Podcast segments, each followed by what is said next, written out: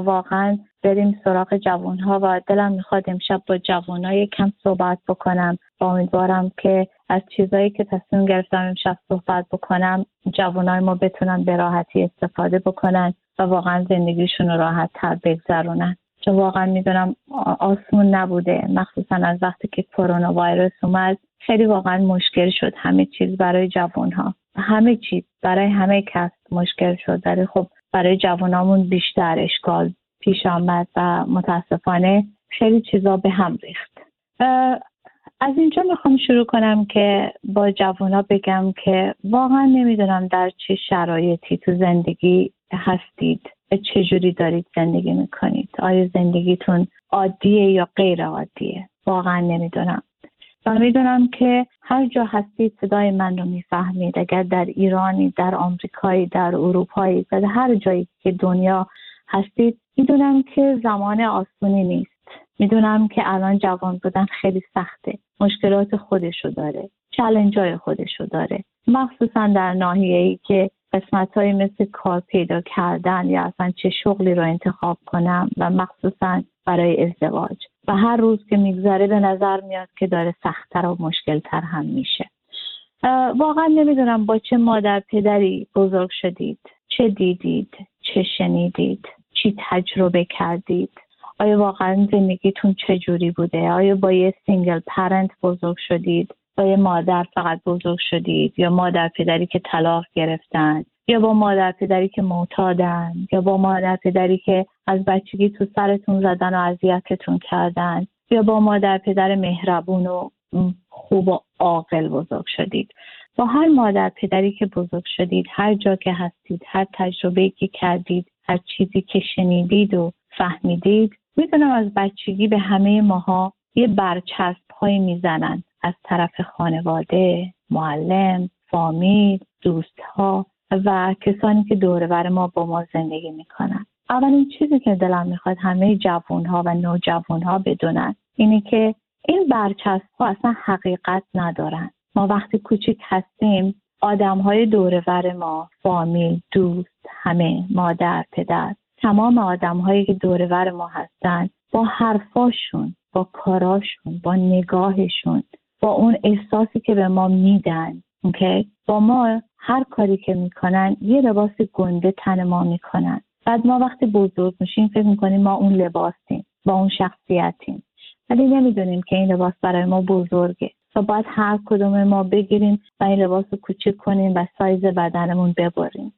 چرا؟ به خاطر اینکه واقعا اونا با کاراشون با حرفاشون با برخوردانش با برخوردشون به ما می‌خوان بگن که ما کی هستیم. ولی در واقعا اون تصویری که اونا به ما نشون دادن واقعا ما نیستیم. دلم می‌خواد اولین کاری که شما می‌کنید هر جایی که هستید صدای من میشنوید این برچسبا رو از روی خودتون بردارید و بدونید که شما باید خودتون خودتون رو پیدا بکنید. بعد برید درون خودتون و خودتون رو دریابید. حسای خودتون کارهای خودتون و هر چیزی که تو زندگی می‌خواهید رو دنبالش برید و انجامش بدید. دلم می‌خواد بدونید که با هر جایی که تو دنیا هستید اوکی واقعا هر کاری که می‌کنید هر قدرم که مشکل دارید و الان اشکال دارید تو زندگی دلم می‌خواد همه جوانا بدونن که شما هر جایی که هستید و هر با هر کسی که روبروی شما هست واقعا دلم می‌خواد یه شخص تسلیم نشید یه شخص منصرف نشید ول نکنید. اون کاری که دوست دارید و عشق دارید و ترک نکنید. به دنبالش برید. دلم می‌خواد همه جوانا بدونن که براشون یه پرپس هست ریزنی هست. برای همه ماها تو این دنیا یه مقصود هست یه هدف یه منظور یه دلیل. و ما ما آمدیم تو این دنیا که به هدف خودمون به منظور خودمون برسیم. اگر اینجا هستید اگر اینجا هستید باید کاری رو بکنید. یه کاری هست که شما باید بکنید که هیچ کاری هیچ کسی دیگه اون کار رو مثل شما نمی‌تونه انجام بده. همه ما یه وظیفه داریم و یه کاری داریم. و باید به حد کمال خودمون برسیم. به خاطر اینکه به حد کمال خودمون برسیم واقعا اولین چیزی که می‌تونم بگم که همه جوان ها و نوجوان ها باید بدونن و انجامش بدن اینه که اول خودتون رو دوست داشته باشید. به این دنیا آمدید که اول خودتون رو دوست داشته باشید. اول خودتون رو نگاه کنید. اول خودتون رو نجات بدین. و اول به خودتون برسید. ارزش و قدرت خودتون رو می‌دونم خیلی موقع ممکنه ندونید ولی باید پیدا کنید. باید هر جوانی تو زندگیش بدونه خوبه و دوست داشتنیه. و اینو هیچ وقت نذارید کسی از شما بگیره. چون واقعا وجود تک تک شما واجب لازمه. موقعیت سختیه می‌دونم. جوانهای پنجاه سال پیش شست سال پیش ممکنه بعضی بگن انقدر سخت نبود. در هر زمانی به دنیا آمدید برای همه سخته. ولی واقعا زمانی که الان داریم توش زندگی می‌کنیم می‌دونم که زمان آسونی نیست. پس اولین چیزی که دلم می‌خواد همه جوان ها بفهمن خودتو دوست داشته باش. خودتو قبول داشته باش. ارزش خودت رو بدون. لیاقت خودت رو بدون. و به خودت روا داشته باش. اولیشه. دومیش اینه که دلم نمی‌خواد ذهن منتظر داشته باشید. من اینو تو جوانا زیاد می‌بینم. منظورم از ذهن منتظر چیه؟ بذار 20 پان لاغر کنم بذار شوهر بکنم بذار زن بگیرم بذار اون وزن رو بیارم پایین یا شاید بر وزنم رو اضافه کنم کار درست بگیرم اینقدر درآمد داشته باشم تا زندگی بچرخه و من خوشحال بشم. این ذهن منتظره. از جوانای خواهشی دارم. این ذهن منتظر رو اگر دارید رها بکنید. رها بکنید. برای اینکه حالا حالاها بعد منتظر بشینید. دلم می‌خواد هر چی که تو زندگی دارید یا ندارید هر کجا هستید با هر قیافه هر شکلی هر درآمدی هر تحصیلی یه چیزی رو بدونید. باید خودم رو دوست داشته باشم. باید خوشحال باشم. اگر این دوتا رو نداشته باشم خیلی چیزایی که بعد تو زندگی برای من بیاد نمیاد. باید یاد می‌گیریم. باید اینو بفهمیم و یاد بگیریم. در درس کابالا ما اول می‌خوایم درون رو واقعا درست بکنیم. بعد وقتی درون درست میشه بیرون درست میشه. منظورم از درون چیه؟ فکر و احساسات منه. چه فکری راجع به خودت می‌کنی؟ چه حسی راجع به خودت داری؟ نه اینکه آدما چه فکری به تو می‌کنن.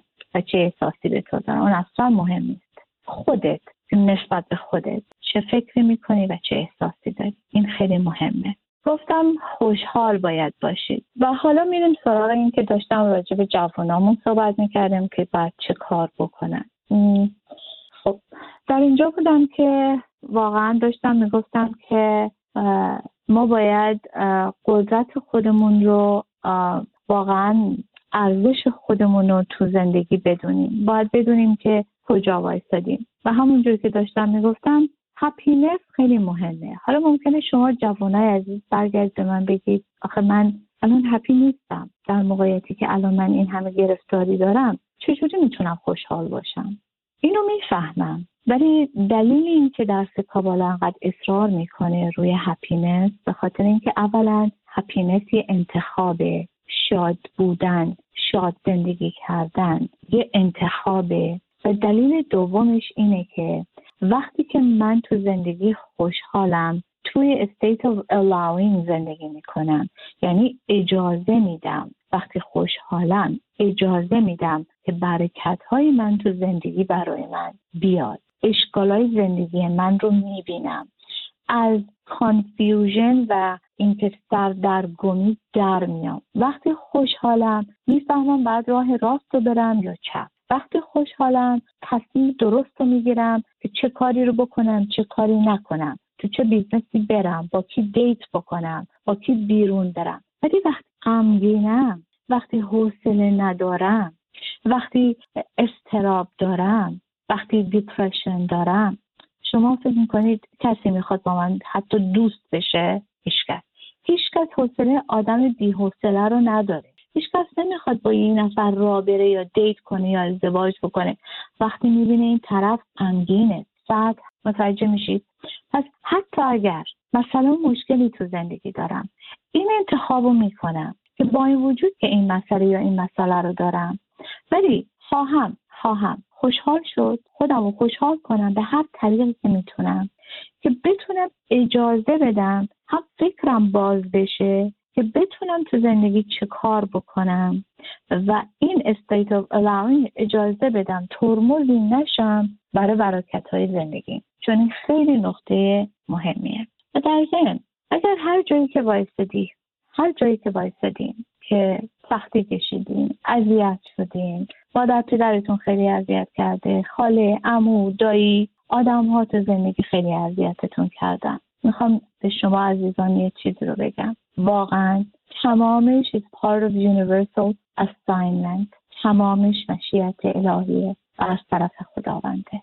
و چرا اینو میگم؟ که من باید از هر چیزی هر اتفاقی که افتاده تشکر کنم. چرا؟ به خاطر اینکه در اون موقعیت های زندگی قرار گرفتم به ده سال دیگه 20 سال دیگه سی سال دیگه که بزرگتر شدن ازدواج کردم بچه دار شدم و همه به چیزای دیگه رسیدم سنم رفت بالا. بعد می‌فهمم تمام اون اتفاقات که برای من افتاده بود یه learning process ی بود یه تجربه بود که من امروز اینجا باشم. ولی جوان ها ممکنه الان در الان اینو نبینید.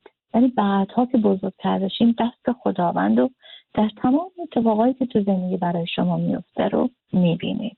یه چیز دیگه ای که خیلی دوست دارم به جوانامون بگم اینه که اجازه بدید که دیده بشید شناخته بشید خودتون رو قایم نکنید. خیلی جوان ها هستن که مخصوصا در کالیفرنیا خب social life خیلی قوی دارن. خیلی هم خوب. خیلی از جوان ها هستن که تو خونه ها قایمن و بیرون نمیرن. اصلا برای من مهم نیست کجا و با کی. چیزی که برای من مهمه تا اونجایی که می‌تونید بیرون برید زندگی رو تجربه کنید بشناسید بذارید شناخته و دیده بشید. این خیلی مسئله مهمیه. بزرگترین و مهمترین رابطه شما تو زندگی رابطه خودتون با خودتونه. این رابطه از همه چی مهمتره و این رابطه رو باید خیلی با ارزش با ارزش و با کمال دقت مواظب با خودتون باشید که رابطه خودتون با خودتون چیه. چرا؟ برای اینکه وقتی رابطه خودم با خودم خوبه رابطه دیگران با من خوبه. وقتی رابطه خودم با خودم خوبه و وقتی خودم با خودم حالم خوبه زیر پوست خودم احساس خوبی و راحتی می‌کنم دیگران رو هم اجازه میدم که این کار رو با من بکنن. به خاطر اینکه به آگهی ها رسیدیم. تا چند لحظه دیگه با شما خواهم بود. مجددا سلام عرض می‌کنم. الیزانت هستم. به برنامهمون ادامه میدیم. داشتم راجع به این صحبت می‌کردم که واقعا ما برای جوانامون چه کارهایی می‌تونیم بکنیم و واقعا جوانا باید تو زندگی چه چیزهایی رو بدونن که بتونه بهشون کمک بکنه که زندگی براشون آسان تر بشه. یکی از چیزهایی که خیلی دوست دارم جوانها یاد بگیرن و متاسفانه چون مادر پدرها کمتر اینو یاد گرفتن پس جواناشون این رو نمی‌دونن اونم اینه که برای خودشون حد و مرز بذارن باوندری بذارن.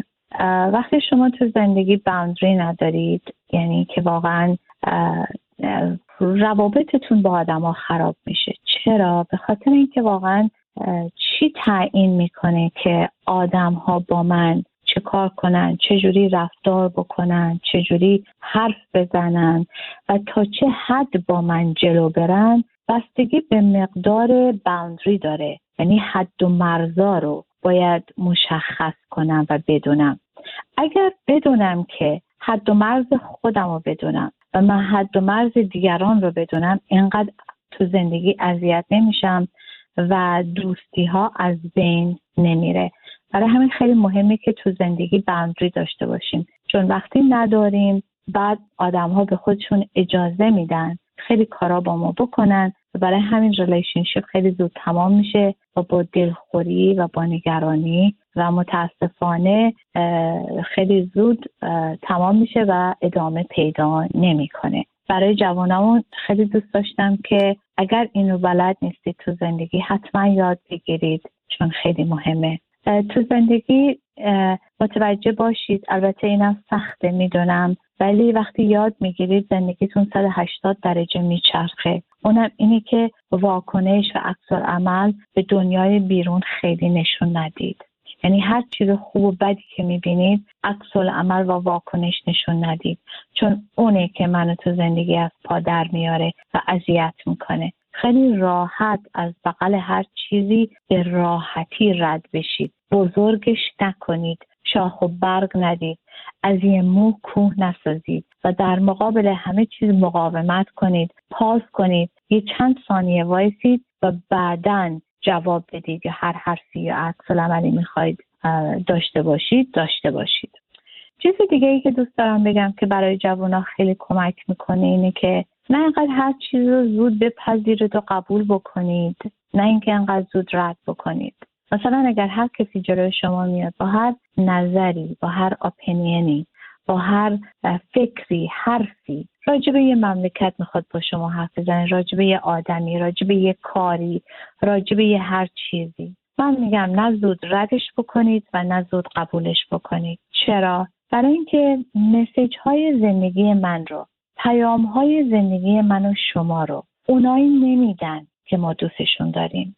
معمولا پیام های زندگی ما رو کسایی رو به ما میدن کسایی به ما میدن که ما دوستشون نداریم.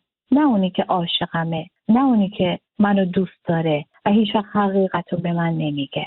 پس وقتی که یک کسی میاد به شما هر نظری یا هر برنامه هر چیزی که هست اول گوش کنید. حتما نباید انجامش بدید. ولی اقلا می‌تونید you can listen you can hear. چون اون خودش خیلی مهمه. چون میگم پیغام ها و مسیج های زندگی منو آدم هایی میارن برای من که من قبولشون ندارم و دوستشون ندارم و زیاد نمی‌تونم تحملشون بکنم. و چیز دیگه ای که دوست دارم راجع صحبت بکنم اینه که حالا هر دینی که دارید هر مسئله که هر فرهنگی که باش بزرگ شدید مسیحی هستید کلیمی هستید هر چیزی مذهب خیلی کمک می‌کنه و خیلی آرامش به ما میده تو زندگی. ولی یه چیزایی رو هیچ وقت نمی‌تونه حل کنه. مثلا مثلا اگر من انگریم انگر پرابلم دارم عصبانیم اگر استرس زیاد دارم اگر دیپرشن دارم اگر تنفری تو وجود من هست اگر از بچگی ها اشکال دارم و مادر پدرم شاید اشکال دارم یا با خواهر برادرم اشکال دارم مذهب رو به صورت مسک استفاده نکنید. مذهب رو یه, یه مثل یه پتوی میمونه که روی خود آدم میندازه و میگه همه چی خوبه و خدا بزرگه و همه چی خوبه. نه. مذهب به جای خود به اندازه خود و به درست استفاده کردنش خیلی کمک می‌کنه. البته اونم باید برگردیم ببینیم هر کسی مذهبش چیه و چجوری مذهب رو تعریف می‌کنه. ولی کلا دلم می‌خواد بچه ها جوانایی که مذهبی هستن یه چیزی رو بدونن. مذهب یه چیزیه. مسائل و مشکلاتی که ما داریم تو زندگی یه چیز دیگه است. و اینو مذهب و مسکش نکنید و اگر مسئله و مشکلی دارید اون مسئله و مشکل رو حل بکنید. اونو با مذهب نخواهید بپوشونیدش چون تا یه حدی می‌تونید بپوشونید تا یه حدی می‌تونید قایمش بکنید. ولی بعد از اون دیگه خسته میشید و بالاخره این خودش رو نشون میده و می‌زنه بیرون اون عصبانیت اون هر چی مسئله و مشکلی که دارید. پس اینو سپر برای خودتون نکنید بلکه ما با خدای خودمون نزدیک میشیم. نه اینکه بیاد منو کمک کنه depression م یا anxiety م بهتر بشه. من با خدای خودم connect می‌کنم با خوشحالی با joy با لذت با اینکه می‌خوام بهش نزدیک بشم. اگر روزی دو بار سه بار جلو میشم می‌خونم هر چیزی که هست اگر سیدور اگر قرآن هر چیزی که هست می‌خونم این به من باید آرامش بده درست بده. ولی مسئله و مشکلم رو حل نمی‌کنه. می‌خوام اینو عزیزان جوانها بدونن. چیز دیگه ای که دوست دارم جوانها بدونن اینه که ما همه تو این دنیا حق انتخاب داریم. همه می‌تونیم تصمیم بگیریم می‌تونیم عوض بشیم. می‌تونیم movie و cast زندگیمون رو عوض بکنیم. تنها کسی و تنها چیزی که مانع میشه من و شما این کار رو نکنیم فقط خودمونه. فقط خودمونیم. قلب باز مغز باز احتیاج داریم که تو زندگی به هر چیزی می‌خوایم برسیم. اگر تو زندگی تلاش می‌کنیم و نمی‌رسیم یه جا blocked یم بستیم و باید این بلاک جا رو باز بکنیم. اوکی؟ خواهش دیگه ای که دارم. هیچ وقت رو چیزهایی که ندارید تمرکز نکنید و نشینید و ساعتها و روزها فکر نکنید. فقط بزرگتر و زیادتر میشن چیزهایی که تو زندگی ندارید روش تمرکز نبکنید. نبشینید حتی راجبش فکر بکنید. چون فقط این کار شما اون مسئله رو بزرگتر و گنده ترش می‌کنه. و این باعث میشه که بازم همونجور که گفتم این فکرهای منفی جلوی برکت های زندگی شما رو می‌گیره و این ترمز ذهنی باعث میشه به اون چیزهایی که تو زندگی می‌خوام نرسم و بعد حسرتش رو بخورم. اوکی؟ خودتون رو با هیچ کس و با هیچ چیزی مقایسه نکنید. جوانها با پدرتون خودتون رو مقایسه نکنید. با عموتون با اینکه کی ورزش خوبه کی ورزش خوب نیست کی چقدر پول در میاره کی چه کار می‌کنه. اصلا این کار رو نکنید. این شما رو از پا در میاره. شما بهترون خودتون باشید. هر چی که هستید هر کجا که هستید بهترون بهترین خودتون باشید. اوکی؟ خط داریم رادیو ایران بفرمایید. ایران؟ سلام. سلام سلام. سلام من می‌خواستم بدونم چجوری بیشتر جوان ما چجوری ما بیشتر باوندری بذاریم. میشه بیشتر توضیح بدین لطفا. مرسی. چه سال خوبی با موقعی چش حتما خواهم گفت. چجوری؟ اگر خواهش می‌کنم. مرسی از تلفنتون. اگر تا حالا حد و مرز برای خودتون نذاشتید و بار اولی که تازه می‌خواید شروع کنید که این کار رو بکنید خواهش می‌کنم از خودتون شروع بکنید. توضیح میدم یعنی چی. قبل از اینکه با دیگران این حد و مرز رو بذارید باندری رو بذارید با خودتون شروع کنید بذارید. عزیزم توضیح میدم چجوری وقتی که می‌خواید ورزش بکنید وقتی که می‌خواید مثلا یه رژیم غذایی رو بگیرید این کار رو بکنید برای خودتون حد و مرز بذارید. وقتی می‌خواید به آدما نبگید بدون اینکه خجالت بکشید بدون اینکه احساس گناه بکنید خیلی راحت به مردم بگید نه. اگر احساستون بدید توی یه کاری رو نکن یا یه کاری رو بکن اون کار رو بکن که خوشحالت می‌کنه. Honor your own feelings. Take yourself seriously. خودتو جدی بگیر.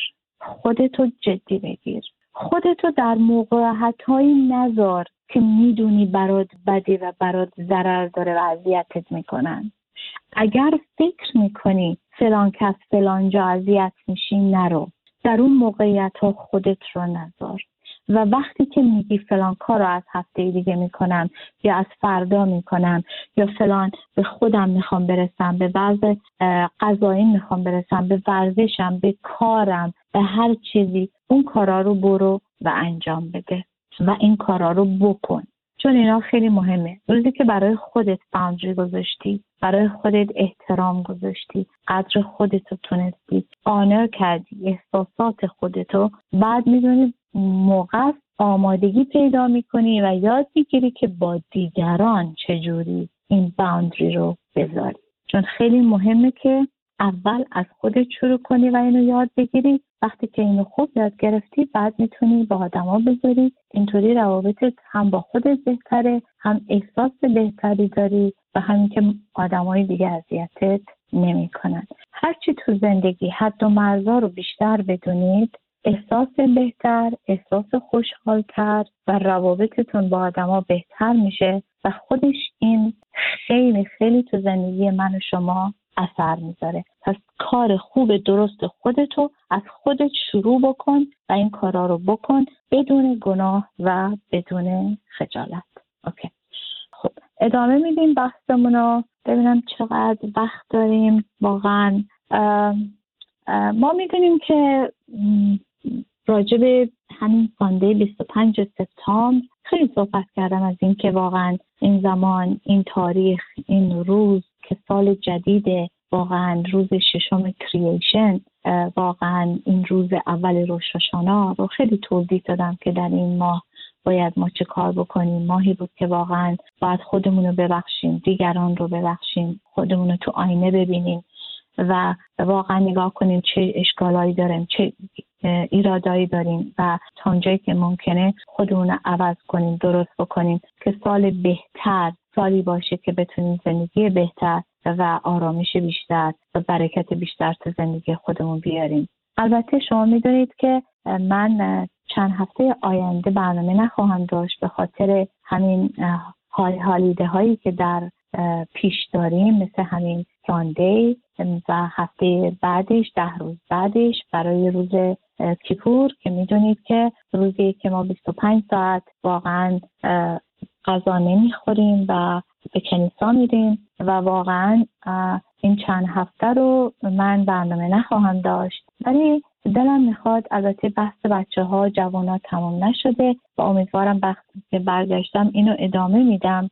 فقط دوست دارم چون خیلی برام تلفن شد سوال شد که واقعا چه ذهنی من باید داشته باشم؟ واقعا من باید این روزی که 25 ساعت قرار من غذا نخورم و هیچ کاری نکنم و فقط اون روزیه که واقعا با خداوند خودمون face to face میشیم صورت به صورت میشیم باید چه ذهنی داشته باشم؟ فقط خواهم اینو توضیح بدم چون برای همه ما خوبه. برای تمام آدم ها در برای همه ملت ها با هر فرهنگی با هر زبانی با هر دینی این لازمه. ببینید عزیزان به خاطر اینکه من بخوام اینو توضیحش بدم که فرق روشاشانا با کیپور چیه. اولا یه ده روز دیگه اضافه وقت داریم برای اون کارایی که نکردیم برای اون زمانی که نشستیم ریفلکت کنیم ببینیم آیا اشکال و ایراد ما در کجا هست. یه وقت اضافه داریم که اون کار رو بکنیم. ولی یه کار دیگه ای باید یه چیز دیگه می‌خوام اینجا بگم که خیلی مهمه.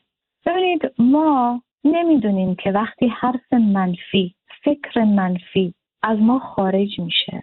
ما نمی‌دونیم که این حرفی که ما داریم می‌زنیم این کاری که داریم می‌کنیم منفی یا این فکری که داریم منفیه. نمی‌دونیم این چقدر دمیج می‌زنه به آدم ها نمی‌دونیم که چقدر آدم ها رو تو دنیا ممکنه اذیت بکنه. برای اینکه من اینو به یه مثال می‌خوام توضیح بدم شاید اینطوری بهتر همو بفهمیم. شما اگر توی خونه کوچیکی زندگی می‌کنید دو سه اتاق خوابه کوچولو یه دفعه تصمیم می‌گیرید یه اتاق بزرگتر بزنید با یه دستشویی و حمام. میرید یه نفر رو انتخاب می‌کنید هایر می‌کنید میگی بیا بیا یه دونه اتاق و حمام و دستشویی به خونه من اضافه کن. میگه ببین بذار برم خونه رو نگاه کنم. ببینم واقعا این لوله کشی خونه تو این برق خونه تو می‌کشه که من یه اتاق دیگه برای تو استفاده کنم اضافه کنم یه دستشویی دیگه یه حمام دیگه. و بعد اینکه خونه شما رو چک می‌کنه میاد میگه ببین به خاطر اینکه من این اتاق رو برای تو درست بکنم تو احتیاج داری که پلامینگ الکتریسیتی خونتو برق و پلامر خونتو بعد عوض بکنی. باید اول اینا رو درست بکنی یه صد هزار دلار دویست هزار دلار خرج باید بکنی. بعدا من می‌تونم برای تو یه اتاق اضافه بزنم. با یه دستشویی و حمام. خب این چه ربطی به حرف من داره؟